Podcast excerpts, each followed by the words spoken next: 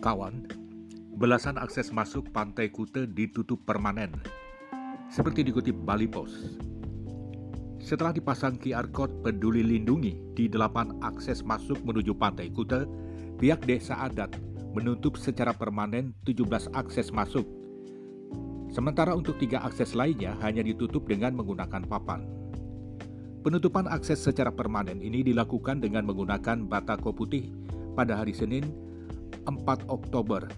Menurut Bendesa Adat Kute Iwayan Wasiste, saat dikonfirmasi mengatakan bahwa penutupan ini dilakukan untuk mempermudah pengelola dalam melakukan pengawasan pengunjung yang masuk.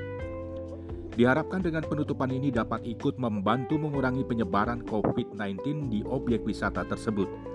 Dikatakan dari 28 kasus masuk ada 17 akses masuk yang ditutup secara permanen dengan batako. Tiga akses masuk lainnya hanya ditutup menggunakan papan.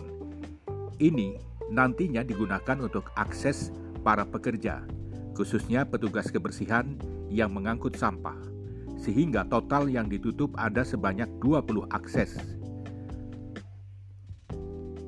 Nantinya dengan rampungnya penutupan itu, Wasiste berharap seluruh pengunjung yang masuk ke kawasan Pantai Kute dapat lebih taat prokes termasuk juga sudah tervaksinasi tahap 2. Sehingga melalui aplikasi Peduli Lindungi tentu akan bisa diketahui secara pasti kuota pengunjung yang berada di dalam kawasan.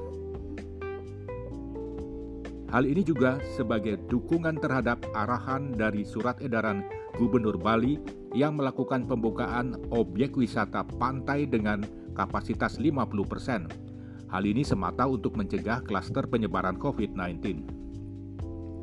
Wasiste juga berharap dengan adanya penutupan dan juga pemusatan akses masuk bisa menjadi masukan bagi pemerintah Provinsi Bali untuk mengevaluasi kembali penerapan, penerapan ganjil genap ke area pantai Kute. Anggaran untuk menutup permanen belasan akses ini mencapai 12 juta rupiah. Pengerjaannya diharapkan bisa selesai dalam dua hari ini. Demikian seperti dikutip Bali Post, saya Bram Wijaya.